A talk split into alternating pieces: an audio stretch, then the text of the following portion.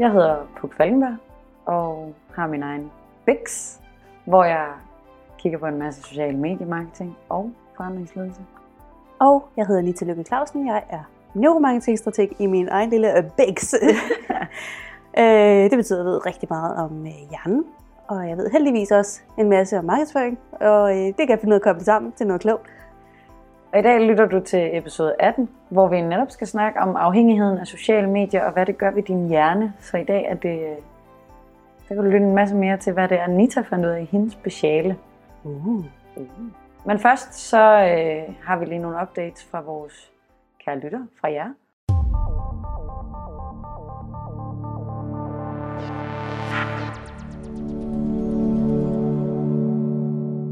Puk, vi har fået en dejlig, dejlig besked fra Christine Gyge på Twitter. Yes. Uh, hun skriver, at hun har lige siddet og lyttet til vores afsnit om uh, digitale rollemodeller. Og skriver, quote, I er nogle rollemodeller og har blandt andet inspireret mig. Nå. Ja, det er dejligt realitetstjek lige nogle gange at få at vide, at der rent faktisk er nogen, som sidder og lytter og bliver inspireret af det, man sidder og laver. Ja. Det synes jeg er fedt. Og så kom hun med et øh, emneforslag, som hedder erfaringer med blogging, sådan ude i sådan en do's and don'ts, og øh, hvad man hvad udbyttet er at, at blogge. Mm. Ja, hun snakker i den bog. Det kan vi jo godt snakke om i og med, at du har en blog, og jeg har en blog. Ja, det vil da være... Ej, det synes jeg er et emne, vi godt kan... Ja. Ja. Lad os tage det om to ugers tid. Yes. Mm.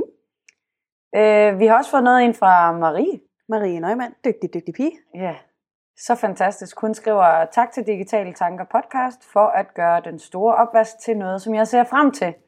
Så er det gang i opvaskbaljen og episode 15. Ja, dejligt, at vi også skal hjælpe lidt med de huslige pligter, Ja, uden at vi næsten behøver at løfte en finger. ja lige præcis. Jeg vil sige, jeg hører faktisk også selv podcast, når jeg går rent, så jeg, jeg kan godt, øh, det gør det sgu lidt sjovere. Det kan jeg godt følge. Det gør jeg ikke, men, og jeg har ikke nogen god forklaring på, hvorfor. Buk, øh, siden sidst, Ja. hvad har du lavet? Åh, oh, jamen jeg, øh, altså når det her, når den her episode kommer ud, Mm. så sidder jeg jo i Kastrup Lufthavn og skal med en flyver til Vegas. Ja, ja. Heldig asen. Det bliver så lækkert. Så det, jeg har brugt øh, de sidste 14 dage på, det at forberede, at jeg skal til Vegas. Så jeg har øh, fået masse løse ender, ender afsluttet. Jeg har arbejdet foran, sådan at nogle af de ting, jeg skal nå den uge efter jeg er kommet tilbage igen, det ligesom er ja, næsten udført. Det lyder rart at være det på forkant med livet. Jamen, det prøver jeg, men det betyder også, at jeg lige nu sidder og føler mig... Vi optager fredag. Jeg rejser søndag, hvor den er udkommet. Så lige nu er jeg på ugens sidste dag. Jeg kunne godt lige have brugt det. Det var fredag i morgen, faktisk. Jeg kunne godt lige bruge en ekstra dag. Ja, det kender jeg godt. Man kan godt får- lige bruge en ekstra dag på ugen, eller bare en ekstra time på dagen, eller... Ja, nej, men jeg har brug for en hel dag. En time gør det ikke. En, Nej, nej, en ja. hel ekstra dag, hvor jeg lige kan... Lige få det sidste afsluttet, så jeg virkelig kan flyve med ro i sind. Men til gengæld så skal jeg flyve 11 timer, så må ikke. Det er, det er faktisk en hel arbejdsdag, du har i den flyver. Lige præcis. Og øh, det vil være en dum idé at sove, for når jeg kommer frem, så er det aften. Så skal du sove. Så skal jeg sove. Ja. Så Arbejde jeg kan lige så godt arbejde i flyveren. Det lyder som en god plan. Ja. Hvad med dig? Siden sidst har der været gang i business. Øh, der har ikke været gang i business, så business har derfor levet helt op til øh, målene. Ja. Øh, jeg snakkede om sidst, at nu var jeg kommet igennem sådan en sprint, så nu Mm. øh, skulle der lige ro på, hvilket betyder, at øh, jeg har skrevet til en øh, vis øh, bog, Help Marketing-bogen, Ja. øh, og så er jeg startet på en projektlederuddannelse, Uh. som vi kører her i Bolius. Så nu skal jeg sgu til at være, det ved jeg ikke, planlægnings dæk. Jeg ved Ja. ikke, men jeg glæder mig rigtig meget til den uddannelse. Så, Det øh, Apropos, jeg skal jo faktisk også på kursus, når jeg kommer Nå. tilbage igen. I ja. hvad dog? Jamen, øh, i, øh, i arbejdsløst. Øh, jeg havde fuldstændig glemt det. Jeg havde skrevet en mail og tilmeldt mig før jul. Og så lige pludselig, så kommer jeg i tanke om, "Hå! jeg har da tilmeldt mig et eller andet. Hvad var det nu, det var? Og fik fat i dem og fik at vide, at ja, det startede 5. april, så jeg var der med. Så øh, jeg skal til øh, certificeres som arbejdsløst konsulent. Så jeg skal til at lære en masse om gruppedynamikker og øh, øh, motivation og sådan noget. Det glæder jeg mig til at høre om på. Jeg glæder mig faktisk også til at se, hvad det er, fordi det ligger som et godt skridt i forhold til min uddannelse. Der har jeg også haft en masse om netop grupper og kultur og motivation osv., men mm. Det her det er mere praktisk, det er mere værktøjer, det er mere, hvad kan du gøre, hvad kan du ikke gøre, hvad, og så videre. Spændende, Så, mand. Ja, så vi skal begge to uddannelse i foråret. Det er sgu da fedt? I bliver så skide kloge. Ja. Vi skal nok lige øh, Ja, Giv følg op på det, hvis Ja. det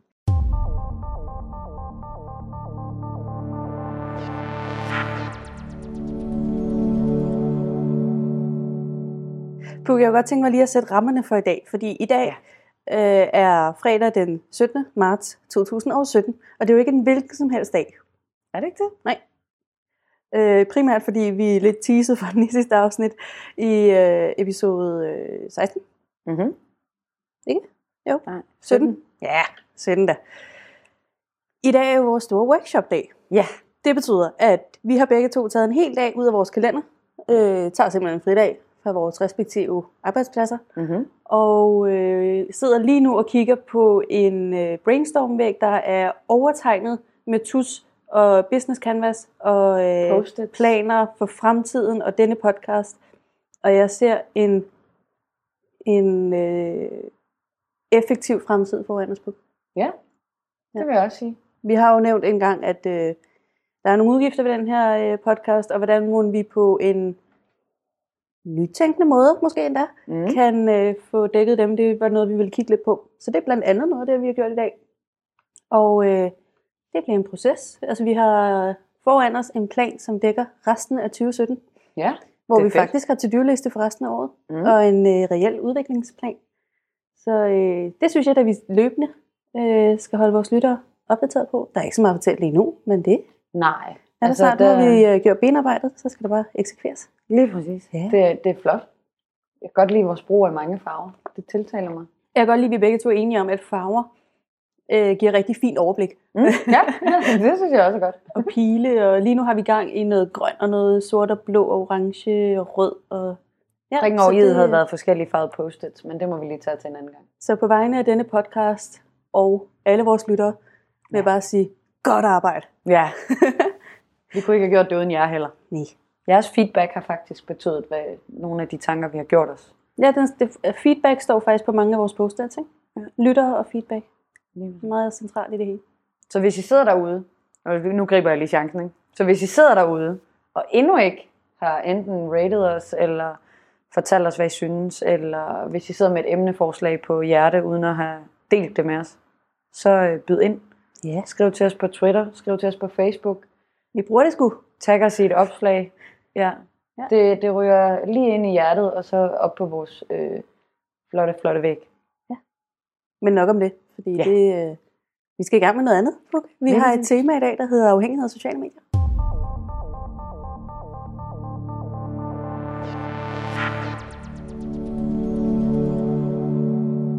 Anita, kan man være afhængig af sociale medier?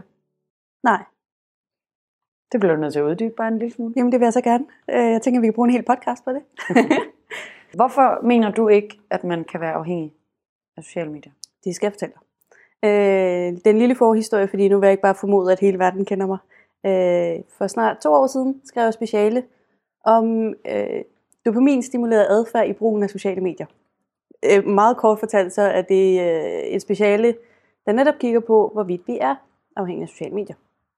Og når du spørger mig, om vi kan være afhængige af sociale medier, så siger jeg nej. Fordi når vi snakker om afhængighed, så snakker vi om dopamin. Og klinisk, kan vi kalde det, kan vi ikke være afhængige af sociale medier. Så klinisk afhængighed, som vi kender det fra alkoholikere, som vi kender det fra narkomaner, er det endnu ikke påvist, at der findes et eneste individ på denne jord, der er afhængig af sociale medier. Og hvad, hvad betyder det at være klinisk afhængig? Er det fordi, at man... Er det noget, man bliver påvirket af i... Altså i hjernen går jeg ud fra, det er derfor, vi snakker om det. Mm. Men, men hvad er det, der sker? Der findes øh, to svar. Ja. Øh, det, ene, det ene svar er, at øh, American øh, Psychi- Psychiatric Association, APA, øh, har en, en offentlig øh, og en anerkendt definition af alle afhængigheder i hele verden. Den opgør de i noget, der hedder DSM-5, øh, lang forklaring kort, så er alle afhængigheder listet på deres hjemmeside. Mm-hmm. Jeg smider nogle links i show notes. Ja. Øh, måske. Det er faktisk rimelig uinteressant. Men sådan noget som internetafhængighed, det står på listen over en anerkendt afhængighed. Det er en psykisk afhængighed. Du kan godt være afhængig af internet. Du kan også være afhængig af gaming. Det er på linje med ludomani og alkohol og alle mulige andre misbrug. Okay. Er de på linje med hinanden som øh, psykiske øh, lidelser. Psykiske led. Ja. Social medieafhængighed er endnu ikke på den liste, og det er der jo en grund til, at den ikke er. Vi har ikke nok studier, og vi har ikke nok beviser for, at social medieafhængighed hører til på den liste. Men kan man ikke tage sociale medier under internetkammen? Jo, og det er netop, når du kigger på forskning inden for området, så er der blandt andet en lejr, som siger, jamen internetafhængighed, det dækker meget. Det dækker blandt andet sociale medier, og det er en måde at kigge på det. Det er bare stadig ikke blevet anerkendt, at vi pakker sociale medier som et underpunkt af internettet, og derfor kan angive det som en typisk lidelse. Man kan jo også sige, at man kan jo være ludoman også på internettet, og på den måde være afhængig af både at spille og internettet ja. Ja. på én gang. Men Ja, og det er netop det, der er udfordringen, fordi øh, gaming addiction kan du også sagtens høre ind, øh, smide ind under internettet. ja, Men, men der er jo en grund til, at de er klassificeret hver for sig. Ja, Øh, så alt, hvad der foregår på internettet, er simpelthen for stort til, at du kan sige, at alt, hvad der foregår på internettet, det, er, det kan være en afhængighed. ja, Øh, vi bliver nødt til at være lidt mere specifikke i vores, Kritiske, øh, ja. i vores angivelser. Og det andet svar til dit spørgsmål, det er, hvad der sker i hjernen, når vi bliver afhængige. Det, der sker, er, at vi har et, øh, en, et signalstof i vores hjerne, som hedder dopamin. Det er sikkert mange, der har hørt om før. Dopamin er basically kilden til al afhængighed. Dopamin er et signalstof, som øh, stimulerer øh, hjernens, øh, det vi kan kalde belønningscenter. Og øh, det er blandt andet det, der driver vores motivation. Det er det, der giver os sådan en yes-følelse, når vi øh, når et mål. Så når Mhm. du når en deadline for en kunde i sidste øjeblik, og kunden bliver helt vildt glad, så får du sådan en begejstret følelse. Og det er basically dopaminen, der spiller ind, fordi du har nået dit mål, og det belønner din hjerne der ved, ved at give dig den her dopamin-rush. Så når jeg sidder 11 timer i min flyver øh, på vej til Vegas og får lavet alle de sidste to-dos, så Mhm. er jeg faktisk super begejstret og har svært ved at sidde stille i en flyver. Ja, 11 og har de timer. bedste forudsætninger for at få en dejlig ferie, fordi at du er humørboostet på alle måder. Det er godt, jeg tager til Vegas, hvor jeg så kan gamble, hvis jeg har den afhængighed. ja. Ja. Det, der så sker, når man bliver afhængig, det er, Mhm. mm-hmm.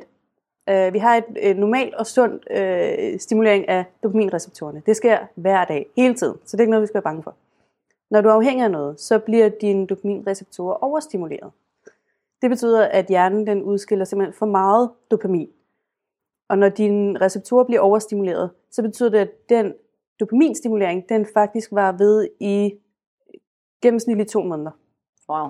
Så i stedet for, at du bliver stimuleret her og nu, puk, du har gjort noget godt, du har nået en deadline, her er en belønning, det hedder dopamin, så bliver der udskilt så meget dopamin, så den følelse bliver hængende i din hjerne i op til to måneder, omkring to måneder. Og det er også derfor, hvis du skal ud af en afhængighed, så sker det ikke fra den ene dag til den anden. Mm. Fordi ligesom øh, når du drikker koffein, så koffeinen den lever jo i din krop, i din, Ja, ja. altså rent fysisk i din krop, i 24 timer. Så det er sådan en effekt, der var i 24 timer. Det kan godt være, at den daler. Selvfølgelig gør den det. Men den er der stadig i 24 timer. Det er præcis samme med overstimuleringen. Den vil vare ved i to måneder. Så ikke nok med for eksempel, hvis det er alkohol, man nu er afhængig af. Ikke nok med, at du skal tage en kold tyrker fra alkohol og ligesom stoppe det. Du skal også vente indtil din hjerne ligesom er kølet ned igen. Ja, lige præcis. Og netop det der med, som siger, med detox og rehab og alle de der ting.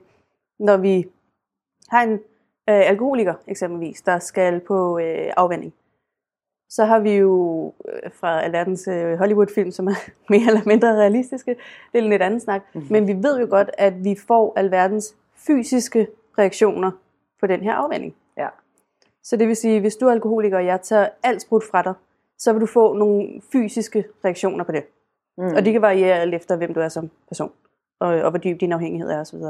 Hvis jeg tager din telefon fra dig, Puk, lige nu, så får du ikke spastiske lammelser. Du får ikke nogen fysiske reaktioner på, at du mangler din telefon. Det kan godt være, at du bliver lettere irriteret. Det kan godt være, at du lige skal distraheres, fordi ellers så øh, bliver du aggressiv i nogle timer. Men du får jo ikke nogen psykiske eller fysiske men ved, at jeg tager din telefon fra dig. Du skal jo nok kunne finde ud af det. Overleve. Ja. Ja. Og det er netop der, jeg kan have lidt svært ved at sige, at man er afhængig af sociale medier, fordi afhængig i sin sådan lidt populistiske sans, det kan vi snakke om, men i den kliniske sans, nej. Fordi hvis jeg tager dit drug fra dig, hvis vi siger, at det er sociale medier, så overlever du stadig. Og du er Ja, ja, stadig et velfungerende menneske. Du vil stadig kunne komme op om morgenen. Du vil stadig komme på arbejde. Du vil stadig kunne interagere med dine venner og din familie og fungere som et vis andet, øh, hver andet øh, normalt menneske. Ja. Jeg sidder lige og kommer til at tænke på, at, at, øh, at P3 har lige øh, lavet et nyt program, jeg tror det er lørdag eller søndag, der mm. hedder Den Sorte Boks, Mm. hvor de inviterer en øh, kendt person ind i to timer og tager telefonen fra den person. Mm. Og så sidder de og snakker om både, hvad der er på telefonen og alt muligt andet. Det er jo faktisk sjovt, fordi i den teaser, de har lagt ind, nu har jeg ikke hørt selve programmet, men i teaseren til programmet, der sidder der, og jeg kan ikke høre, hvem det er kendte mennesker, men han sidder og, bliver, og beder om telefonen, og man ikke godt snart må få den tilbage igen Mm.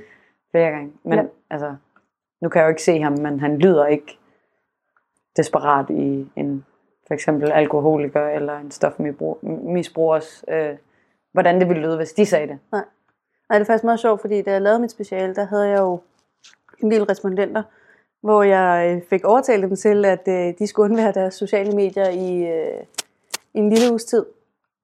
Øh, og det jeg kunne se øh, i deres adfærdsmønster, det var, at de første timer uden sociale medier var faktisk de sværeste.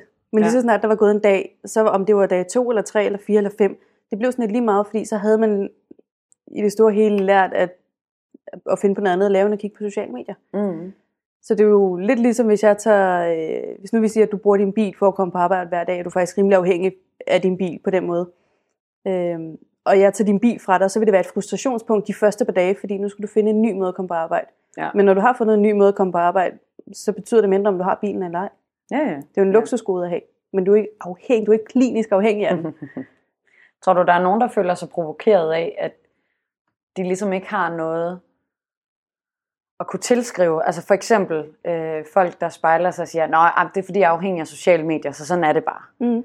Tror du, der er nogen, der så føler sig provokeret af, at de jo egentlig i den kliniske forstand ikke kan tilskrive sig som afhængige af sociale medier? Altså med, at de ville se en fordel, hvis de kunne. Ja, altså bruge det som en undskyldning. Sådan, ja, men jeg er jo også afhængig. Og så bare fortsætte deres adfærd. Det ved jeg ikke. Det kan da godt være, der sidder nogen derude. Jeg synes, det, det bliver jeg faktisk lidt provokeret af, hvis der er nogen, der bliver provokeret af Ja, på sådan en metalag. Fordi øh, man skal da ikke ønske sig afhængighed af noget som helst. Om det er cigaretter eller sociale medier, det er da en alt for nem undskyldning til, ja. til livet. Grunden til at spørge det er fordi, at øh, vi havde den der millennial-snak med Simon Sinek's video, Mm. hvor noget af den feedback, han havde fået på hans video ved at sige, at øh, blandt andet det der med, at det var forældrenes skyld osv., øh, hvis man ikke har lyttet til det, så gå tilbage til episode 14, tror jeg det er. Øh, hvor at han jo siger, at det er forældrenes skyld, at vi har så dårligt selvværd som millennials, og det er ikke vores egen skyld. Mm. Og der har han også fået feedback med alle mulige, der siger, ej, tak, nu vidste de hvorfor. Ja. Hvor at det at sige, Nå ja, du kan være afhængig af sociale medier, det er en, ah, gudskelov, tak, så det er derfor, jeg tjekker min telefon så mange gange om dagen, det er derfor, jeg ikke kan undvære Facebook. Ja. Hvor at når du så kommer her og siger, klinisk set, nej, du er ikke afhængig, du er bare, Folk kan virkelig godt lide at få en forklaring på deres adfærd. Og den nemme forklaring på brugen af sociale medier, det er at sige, at du er afhængig af sociale medier. Det er Mm. det nemme svar, men det er ikke det rigtige svar. Det, det rigtige svar er et svært svar, det er derfor, det, der er så få, der giver det. Ja. Det er netop det der, men hvorfor bruger du tid på sociale medier? Hvad får du ud af det? Det er Ja. der ikke nogen, jeg har spurgt mine respondenter om, jeg har spurgt øh, rigtig mange mennesker om det. Jeg har ikke hørt nogen, der har kunne give et svar på det. På hvorfor de bruger tid på sociale medier. Hvorfor er det, at de liker ting og deler ting og interagerer med andre mennesker på sociale medier?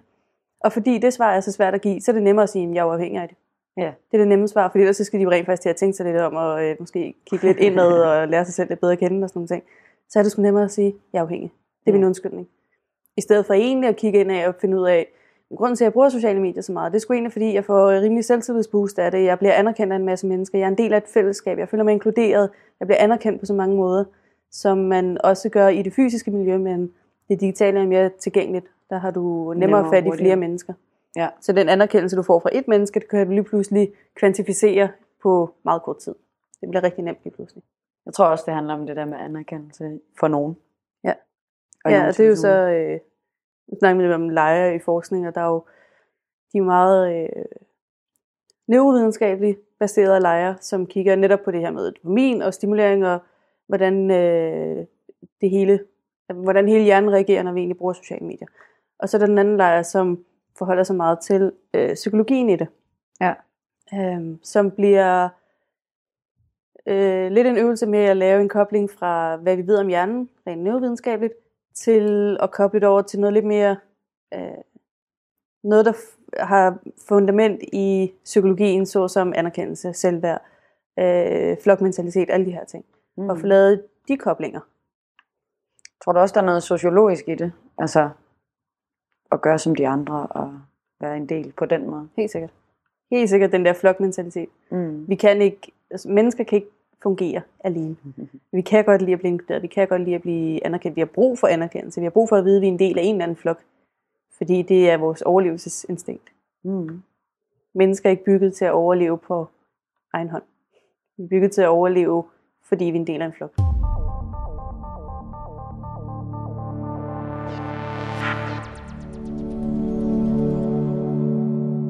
Lad mig spørge dig om noget andet så. Mm. Hvis jeg ikke er afhængig af sociale medier, kan jeg være afhængig af og, øh, det at låse min telefon op? Altså den fysiske bevægelse, der er at tage telefonen og låse den op. Ikke så meget, hvad man ser på telefonen, men det at tage den. Du kan ikke være afhængig af det, men du kan sagtens få en rar fornemmelse af det. Forstået på den måde, at hvis din hjerne lærer, at hver gang du låser din telefon op, så ligger der 12 notifikationer med mennesker, der roser dig. Så hvis den lærer, okay, nu låser jeg min telefon op, så sker der noget godt. Så vil det alene at låse din telefon op, det kan sagtens i dit hoved blive afkodet som en rar fornemmelse. Så du behøver ikke gøre meget mere end at, at låse din telefon op. Til sidst behøver du ikke engang få 12 notifikationer med rare anerkendelser, fordi det er nok i sig selv at låse telefonen op. Ja. Og det kan sagtens øh, trigge nogle ting i din hjerne, som giver dig en rar fornemmelse. ja, men ikke gør dig afhængig. Præcis. Hvad så, hvis man låser den op, og der ikke er noget? Altså giver det sådan en dårlig fornemmelse? Får man så sving, humørsvingning, eller går ned? Det kan det gøre, men lad os trække noget parallelt til den fysiske verden. Så hvis du er studerende, og du afleverer en opgave, som du synes er virkelig god, du har virkelig lagt meget energi i den her, du synes virkelig, det er virkelig noget af det bedste, du nogensinde har præsteret, og du får en middelkarakter for det, men du havde forventet få topkarakter, så får man også den der øvefølelse. Fordi mm. du opnåede ikke, du nåede ikke det mål, du gerne ville, du nåede ikke det mål, du har sat dig for. Så i stedet for at få en øh, frigivelse af dopamin for at belønne dig, så har du forventet at få den her øh, belønningsfølelse, men du får den ikke, fordi du ikke nået dit mål. Mm. Jeg tænker sådan lidt, hvis man nu sidder derude og føler sig lidt afhængig af sociale medier, eller afhængig af at åbne sin telefon Mm. på en eller anden måde. Hvad kan man så selv gøre for at... Altså er der... Fordi du siger jo, at man er ikke klinisk afhængig, men Mm. man kan alligevel godt sidde og føle sig afhængig. Hvad kan man gøre for at ikke at føle sig afhængig? Jeg tror, et øh, rigtig godt sted at starte, det er at øh, gøre op med sig selv, om man i virkeligheden er afhængig, eller man bare synes, det her det er skide, skide rart. Ja. Fordi hvis først man kan erkende, at nej, jeg er sgu ikke afhængig, men jeg synes, det er skide rart, når jeg får kommentarer øh, og ros på diverse sociale medier, så er det nemmere at forholde sig til.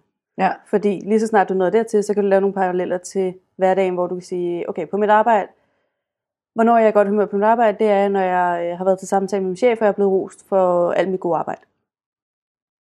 Det er den samme følelse, som du får typisk, når du får rosen på sociale medier. Og netop den her erkendelse af, at de input, vi får i en offline-verden, har præcis den samme effekt på vores hjerne, som de input, vi får i den digitale verden. Vi snakkede lidt om det sidste gang med øh, social medie guidelines. Det her med, øh, i starten af episoden, der var der en af os, der sagde sådan noget med, at, at vores kollegaer kan jo sagtens finde ud af at opføre sig som voksne, anstændige mennesker i den Mm. offline verden, være anderledes, bare fordi det er en digital verden. Fordi i, min, i mit hoved, der er det... Jeg kan godt lide den der tanke med, at, at i stedet for at opstille det som to vidt forskellige verdener, så prøv at tænke på, hvor meget der egentlig... Altså, det er kun platformen, du skifter ud. Ja. Men det er lidt ligesom at sige, at du står på arbejde, eller om du står hjemme i din stue, eller om du står ude på strøget, eller om du øh, er på Twitter. Altså, det kan være samme samme, fordi din hjerne registrerer omstændigheden på samme måde. og bliver stimuleret på samme måde.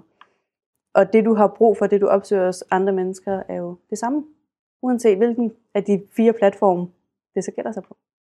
Så altså først noget med at acceptere og sige, Jeg tror, man lige skal, er jo ikke afhængig. altså, øh, skal lidt af dramaet væk. Ja. Fordi hvis du kører op til sådan noget drama med, at du er afhængig af sociale medier, så skal du også snart på en rehab-klinik, og så skal du også snart øh, sygemeldes fra arbejdet, og ro på. Ja. Du er ikke afhængig. Du synes, det er skide rart at låse din telefon op, fordi du har øh, kodet din hjerne til, at hver gang du låser din telefon op, så sker der noget rart. Fordi du får nogle gode input, eller du får en god dialog med nogle mennesker via din telefon. Øh, der er et, et oldgammelt øh, studie med øh, Paulos hund. Kender det sikkert. Med øh, Paulo, der havde en hund, og øh, så lærte han den her hund, at øh, han fandt ud af, at når han havde et kødben, som han viste hunden, så begyndte hunden at savle. Og savle, det var sådan en reaktion på, at hunden synes, det her var fedt. Nu skete der noget godt. Øh, så tog Paulo kødbenet, og hver gang han viste kødbenet til hunden, eller gav kødbenet til hunden, så lavede han en, øh, lad os bare sige en kliklyd, eller ring med en klokke. Ring med en klokke. Ja. ringe med en klokke. Og det gør han nogle gange, og så lærte hunden at associere det her kødben med den her klokke. Og det betyder præcis som jeg sagde med din telefon. Til sidst så kunne han nøjes med at ringe med klokken. Han behøvede ikke engang vise kødbenet eller have det på sig. Og så ville hunden begynde at savne. Fordi den hjerne var blevet indkodet til, at hver gang den hørte den her klokke, jamen så skete der noget rigtig, rigtig rart. Den fik et kødben. Mm. Så til sidst havde den slet ikke brug for kødbenet for at få den fysiske øh, stimulering af lyden af klokken. Men den ville så også blive ked af det, hvis ikke benet kom. Ja, efter et par gange. Hvis Ja. ja. den blev ved med altid at høre øh, op klokken, og aldrig nogensinde tog et kødben igen, Ja. så vil effekten også blive afkodet og stikkodet Ja. ja. i, i hjernen. Så man skal afkode sig selv. Nå, du tænker, hvis, øh, hvis man synes, man bruger sociale medier for meget. Ja, eller åbner en telefon for meget. Jeg synes, man kan starte et sted, som vi også har snakket om engang, det her med øh, de røde øh, notifikationer. Ja, På alle ens apps. starte. Godt sted at starte. Slå dem fra. Jeg har faktisk også slået øh, meget fra på min låseskærm. Så Mhm. netop, at når jeg bare klikker på min telefon, så er der ikke noget at se. Det tror jeg også er en meget god måde. Det, Fordi så lærer du ikke, at, at bare der går 20 sekunder mellem, når du låser din telefon op igen, så er der noget nyt. Det behøver ikke engang være noget fedt, der er kommet. Bare du har fået en eller anden notifikation. Det kan være fra hvad ved jeg, Just Eat, eller en eller anden åndssvag råden op til Lando, eller sådan noget, ja, som giver de der crappy notifikationer. Ja. Men der ligger noget. Uh, der er nogen, der er kaldt på mig. Det der lidt ligesom Ja. ja. blive prikket på skulderen, ikke? hvem vil have fat i mig nu? Der er nogen, der vil have din opmærksomhed. Det kan også være nok til, at folk synes, det er ret fedt at låse sin telefon op, at der, er, der ligger en øh, notifikation. Ja. Så nu slår dem alle sammen fra. Så vender du din hjerne til, at der er ikke en notifikation, hver gang du låser din telefon op. Uanset hvad det er. Så bliver det mindre interessant at låse den op hver 20. sekund. Ja. Jeg vil lige nævne, øh, siden vi havde Kasper inde og Track, har Mm. jeg jo også brugt den der Momento-app til Mm. iPhone. Øh, sidste lørdag, jeg ved ikke helt, om der er noget galt med den, eller jeg lavede heller ikke så meget den lørdag, eller jeg lavede rigtig meget den lørdag, så derfor brugte jeg ikke min telefon. Men jeg har kun brugt den i 10 minutter, og jeg har låst den op 10 gange. På en hel lørdag. Det var en sløv lørdag. Det var, jamen jeg var til fødselsdag hele, jeg var sammen med folk hele tiden. Så jeg brugte ikke min telefon overhovedet. Nej, jeg var endda i det- byen. Så- Det er netop en af de ting, man måler på. Når man skal gå ind og, og, og, og se på, om folk er afhængige, mm. så har man basically et, et spørgeskema. Og et af de spørgsmål i det her spørgeskema, når du sidder og snakker med den her person, den du skal diagnostisere, det er, om folk kan finde ud af at indgå i sociale relationer. Eller om folk, kvæg deres øh, drug, eller hvad det nu må være, har valgt at afskove deres sociale relationer, mm. fordi de vægter alkohol eller øh, spil, eller hvad de er afhængige af, højere end deres sociale relationer. Så når du begynder at afskærme dig fra andre mennesker, fordi du tilvælger dit drug, ja. uanset om det er sociale medier, eller om det er øh, FIFA, eller om det er, hvad end det kan være. Og som du netop siger, du havde ikke tid til at være på sociale medier, du havde ikke tid til at tjekke din telefon hele tiden, fordi du var faktisk lige i gang med nogle øh, sociale relationer. Mm. Det er et meget tydeligt tegn på, at du er ganske normal. Du er ikke Ja, afhængig af Jeg er sociale ikke medier. afhængig af. Yes.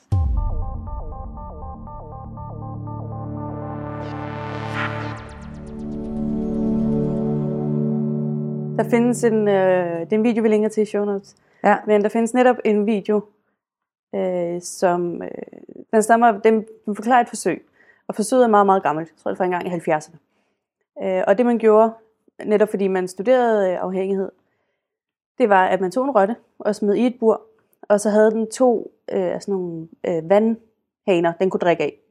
Mhm. Mm-hmm. Og i den ene øh, vandhane, i mange på bedre ord, der var der vand i. Og i den anden, der var der vand med heroin i. Og det man fandt ud af var, at rotten gik hele tiden hen til den med heroin. Så derfor mente man, at hjernen var jo nærmest naturligt øh, indkodet til hele tiden at opsøge den her dopaminstimulering og overstimulering. Og jo mere dopamin man kunne få, fordi når man tager stoffer, så bliver der også udskilt dopamin i hovedet. Jo mere dopamin man kunne få, desto bedre. Mm. Ja. Og så øh, gik der et par årtier, og så fandt man ud af, at hvis nu man tager samme rotte, og så byttede man faktisk noget, der hedder Rat Village. Så du byggede en rotteby. Og i stedet for at have én rotte i et tomt bur, så havde du sådan en hel, en hel by, som hvis du laver sådan en lille modelby. Og så havde du andre rotter også. Så de her rotter, de er jo igen flokdyr, så de lever jo i flok Mm, mm, med ja. andre af sin art. Og så lavede man præcis samme. Så de havde en vandhane med vand i, og en vandhane med vand og heroin i. Og den med heroin i, blev nærmest ikke brugt. Den blev stort set ikke brugt. Det var, jeg tror, det var omkring 2 eller 3 procent af rotterne, der var henne at bruge den med heroin i. Men langt de fleste af de andre, eller alle rotterne, de valgte faktisk den med vand i. Fordi vi vælger sociale relationer, vi vælger de sociale bånd, vi vælger den interaktion med vores artsfælder, frem for noget så hedonistisk som et stof og dopaminfrigivelsen.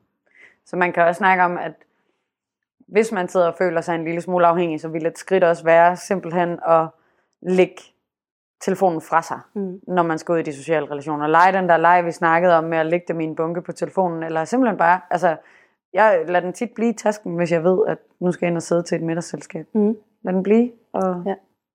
Grunden til, at rotten, der var helt alene i et tomt bur, blev ved med at bruge øh, den øh, vandhane med, Mhm. øh, med Heroin i. heroin i, det var fordi, den ikke havde andet at tage sig til. Den Ja. havde ikke andet, der kunne stimulere dens hjerne. Der var ikke andet, den kunne få en belønningsfølelse af. Den kunne ikke, hvad fanden skulle den lave? Den Ja. havde ikke en skid at tage sig til. Så det er derfor, den blev øh, forfalden til at vælge stoffer. Så man tog faktisk lidt samme model og tænkte, okay, men hvad gør vi egentlig med, øh, med øh, addicts, øh, misbrugere i øh, vores samfund? De fleste misbrugere, de ender i noget kriminelt. De fleste misbrugere, de ender i fængsler. Det, der sker, når du ender i et fængsel, det er, at du bliver utrolig isoleret. Mm. Du har ikke noget at tage dig til. Det er, du får ikke nogen belønning for noget som helst. Du har ikke så mange sociale relationer, fordi de er sjovt nok uden for fængslet. Du bliver meget isoleret på rigtig mange måder, også socialt. Og når du kommer ud på den anden side, når du er færdig med at være i fængsel, kommer ud i samfundet, så er der ikke nogen, der vil have dig som arbejdskraft, fordi du har ikke en ren straffeattest. Så når du kommer ud fra fængsel, så bliver det endnu mere isoleret fra hele samfundet nu. Ikke kun fra din sociale relation, men også fra samfundet. Og det man kiggede på i øh, Prag, det var faktisk netop den her model og den her Red Village øh, studie. så det man gjorde, det var, at man lavede et program, hvor man tog øh, misbrugere, som havde været i fængslet. Når de kom ud, så lavede man et, øh, et arbejds øh, sådan noget, workflow for dem, så det blev, faktisk blev fordelagtigt for arbejdsgiver at ansætte øh, misbrugere, som havde været i fængslet. Fordi lige så snart de blev indhyldet og fik et arbejde, så fik de nogle sociale relationer, de blev inkluderet i samfundet, de fik noget socialt at hægte sig op på, og det betød, at de ikke havde brug for, øh, for øh, hvad hvad andet øh, stof, de havde været misbrugere af. De Mhm. valgte simpelthen misbruget fra til fordel for alle de sociale og samfundsmæssige relationer. Men tror du, man kan sidestille det med, at altså, du er jo også social, når du er online. Mm. Det er Mhm. bare på en anden måde. Ja. Så man får jo også noget af den stimuli, man får derigennem, Det gør man. som man vil få i den virkelige verden. Ja. Så Det er ikke så meget de sociale medier og hvad vi gør på de sociale medier, der er udfordringen. Mm. Fordi i stedet for at snakke med 200 mennesker på Twitter om dagen, så kunne jeg jo gå ud på gaden og snakke med 200 mennesker. Ja. Altså det er, for at sige, den sociale stimulering er jo den samme. Ja. Og den anerkendelse, jeg får øh, fra de 200 mennesker på Twitter, kunne være præcis den samme, jeg ville få fra de 200 mennesker på gaden. ja, ja. Så det er ikke så meget de sociale medier egentlig, det er mere apparatet, vi bruger til at tilgå de sociale medier. Så det er Ja. egentlig mere vores brug af, af telefonen, som er interessant, fordi på grund af det her, som vi har været inde på, med at når du låser telefonen op, så får du allerede, så kan du allerede få sådan en, uh, det her det føles godt følelse, fordi du er vant til, at der sker noget fedt, når du øh, låser din telefon op.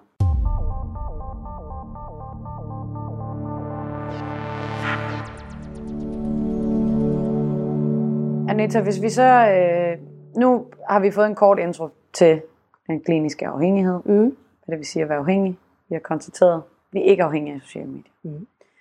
Vi har også snakket lidt om, hvad man så selv kan gøre i forhold til, hvis man føler sig afhængig. Men tror du ikke, at... Altså, der er jo nogen, som godt kunne putte det her neuromarketing i en eller anden form for kasse som manipulation Mm. med folk. Fordi man ved, hvor man skal trigge for at få folk til at føle sig afhængige, eller på anden vis misbruge det. Ja. Hvad tænker du om det? Øh, jeg tænker, jeg har mødt det rigtig mange gange. Jeg mødte det også, da jeg skrev mit speciale, det her med, mm, du får egentlig folk til at gøre noget, som de ellers ikke ville have gjort. Ja. Fordi du, hvis du kan stimulere deres hjerne til at synes, at øh, valgmulighed A er helt vildt fed, mm, så har de valgt valgmulighed A på et lidt falsk grundlag, fordi det ikke var det, de ville have valgt, hvis de havde haft det frie valg, Ja. kan man kalde det. Ikke? Øh, så øh, brugen neuromarketing, jeg synes hurtigt, det kan blive sådan en... Øh, der er endda folk, der spørger mig, om, om det ikke er sådan lidt farligt at skulle arbejde med dopamin i forhold til, neuro- øh, til marketing generelt. Fordi hvis dopamin er kilden til al afhængighed, kan vi så ikke, er det så ikke nogle farlige ting, vi går ind og trigger på? Øh, og jeg, jeg plejer altid at svare, hvis nogen kan gøre deres kunder afhængige af deres brand, så skal de lære mig en ting eller to, fordi så er de virkelig gode til markedsføring. Fordi dopamin, det, skal ikke, altså det, bliver meget hurtigt ladt ud som sådan noget, noget farligt, fordi, øh, som folk siger, det er kilden til al afhængighed. Men det er jo ikke farligt. Det er jo det, der styrer os i hverdagen. Det er jo det, der gør, at vi fungerer i hverdagen. Mm. Det er det, der gør, at vi er overlevet som art indtil øh, år 2017. Så det er jo det, er jo det, der får os igennem dagen. Det er jo det, der gør, at vi fungerer. Det er det, der gør, at vi kan have en karriere, vi kan have nogle mål, og vi rent faktisk opnår noget her i livet. Det er dopaminen. Fordi det er også dopamin, der står bag alt motivation. Det er først, når der kommer en overstimulering, ja. at det begynder at blive ja. kritisk. Og den kan man simpelthen som brand ikke opnå gennem noget, øh, noget reklame. Altså det, det, kan ikke ske. Så dygtig kan du ikke være. Nej. det har jeg ikke set endnu. Øhm, så det handler heller ikke så meget om at manipulere. Jo, det handler lidt om at manipulere folk, men og jeg synes hurtigt, at manipulere det får sådan en negativ klang. Det synes jeg ikke nødvendigvis, det skal have. Mm. Fordi det handler om at motivere folk til at tage et andet valg. Måske endda et bedre valg. Ja. Det lykkes lidt op af øh, alt arbejdet med øh, nudging. Nudging handler også om at få folk til at øh, følge de fodspor, der er malet i jorden, eksempelvis. Det kan være, at de fører ind ja. i din forretning.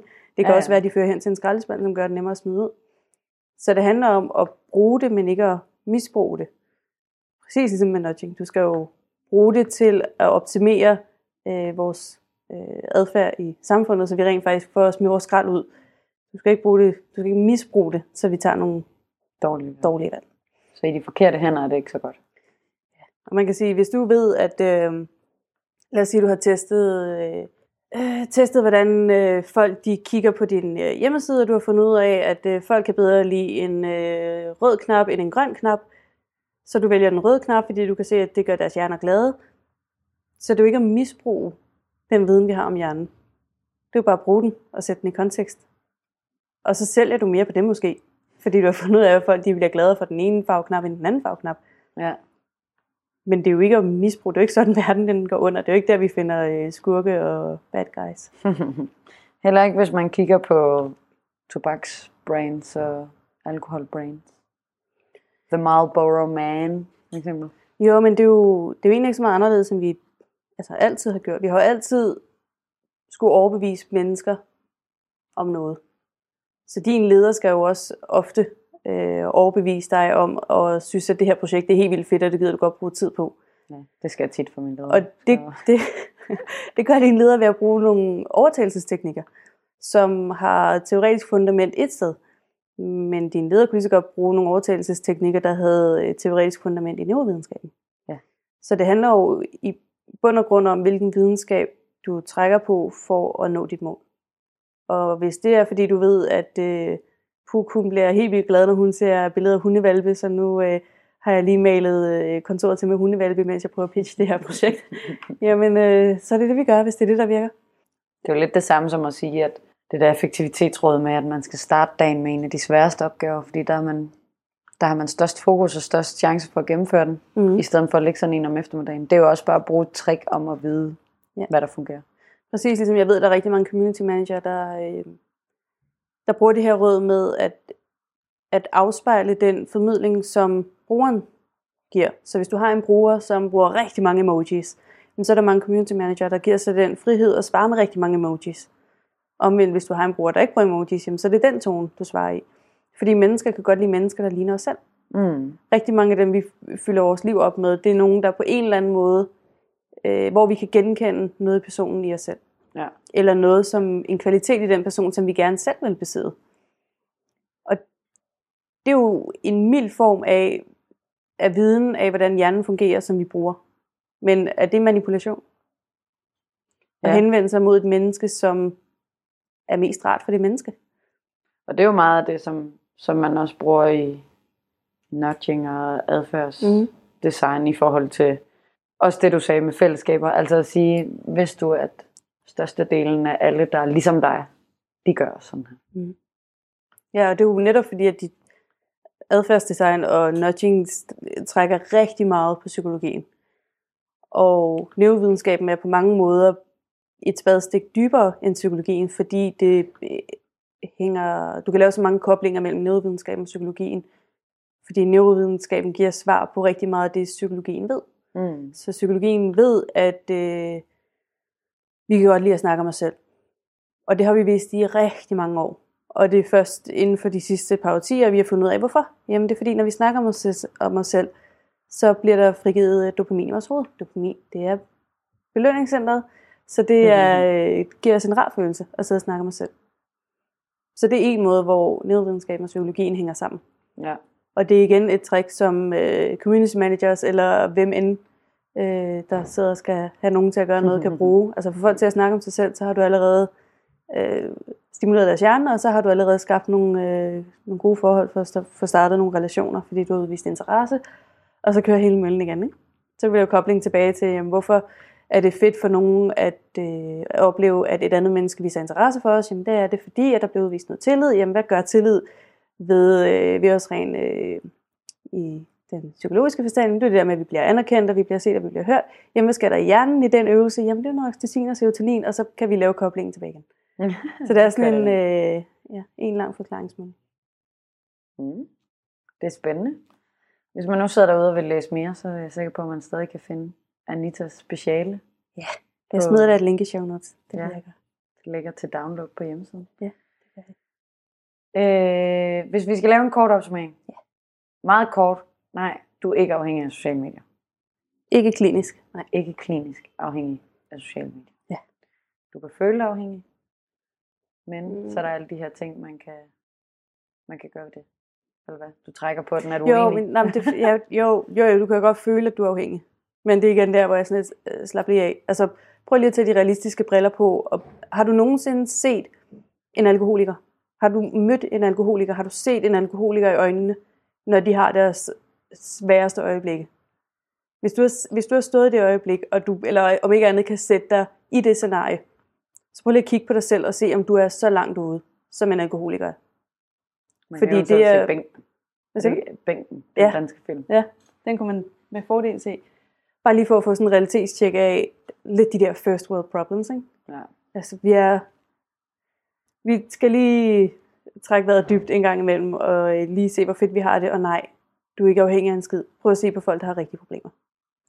Prøv at kigge på, al- jamen, det er ikke engang, jeg ved godt, det lyder kliché, men prøv at kigge på alkoholikeren. Hvis du er så langt ude, så hører jeg meget gerne fra dig, men mit bud er, at det er du ikke. Du er langt fra det.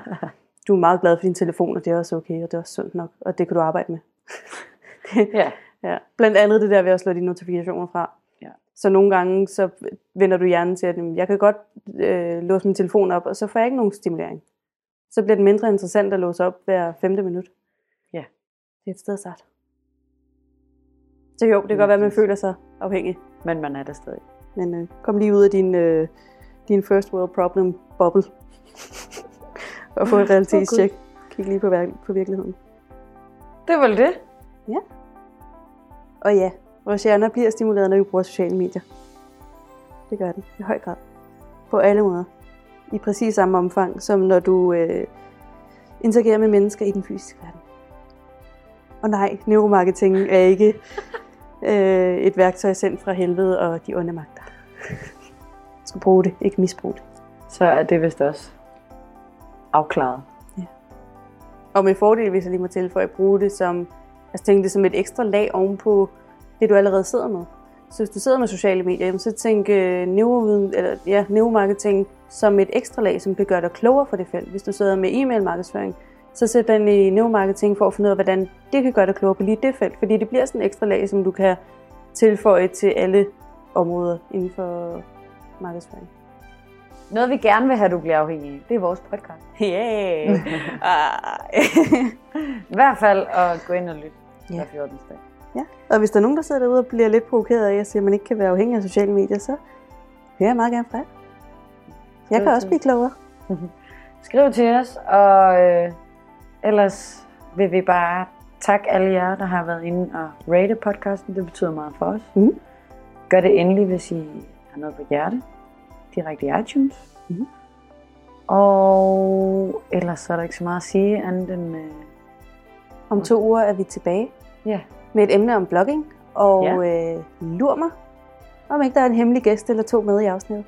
vi prøver i hvert fald. Jeg vil faktisk gerne love, at der er en hemmelig gæst med næste afsnit. Uh. Så det er med, det bliver godt, Teaser. og vi ses.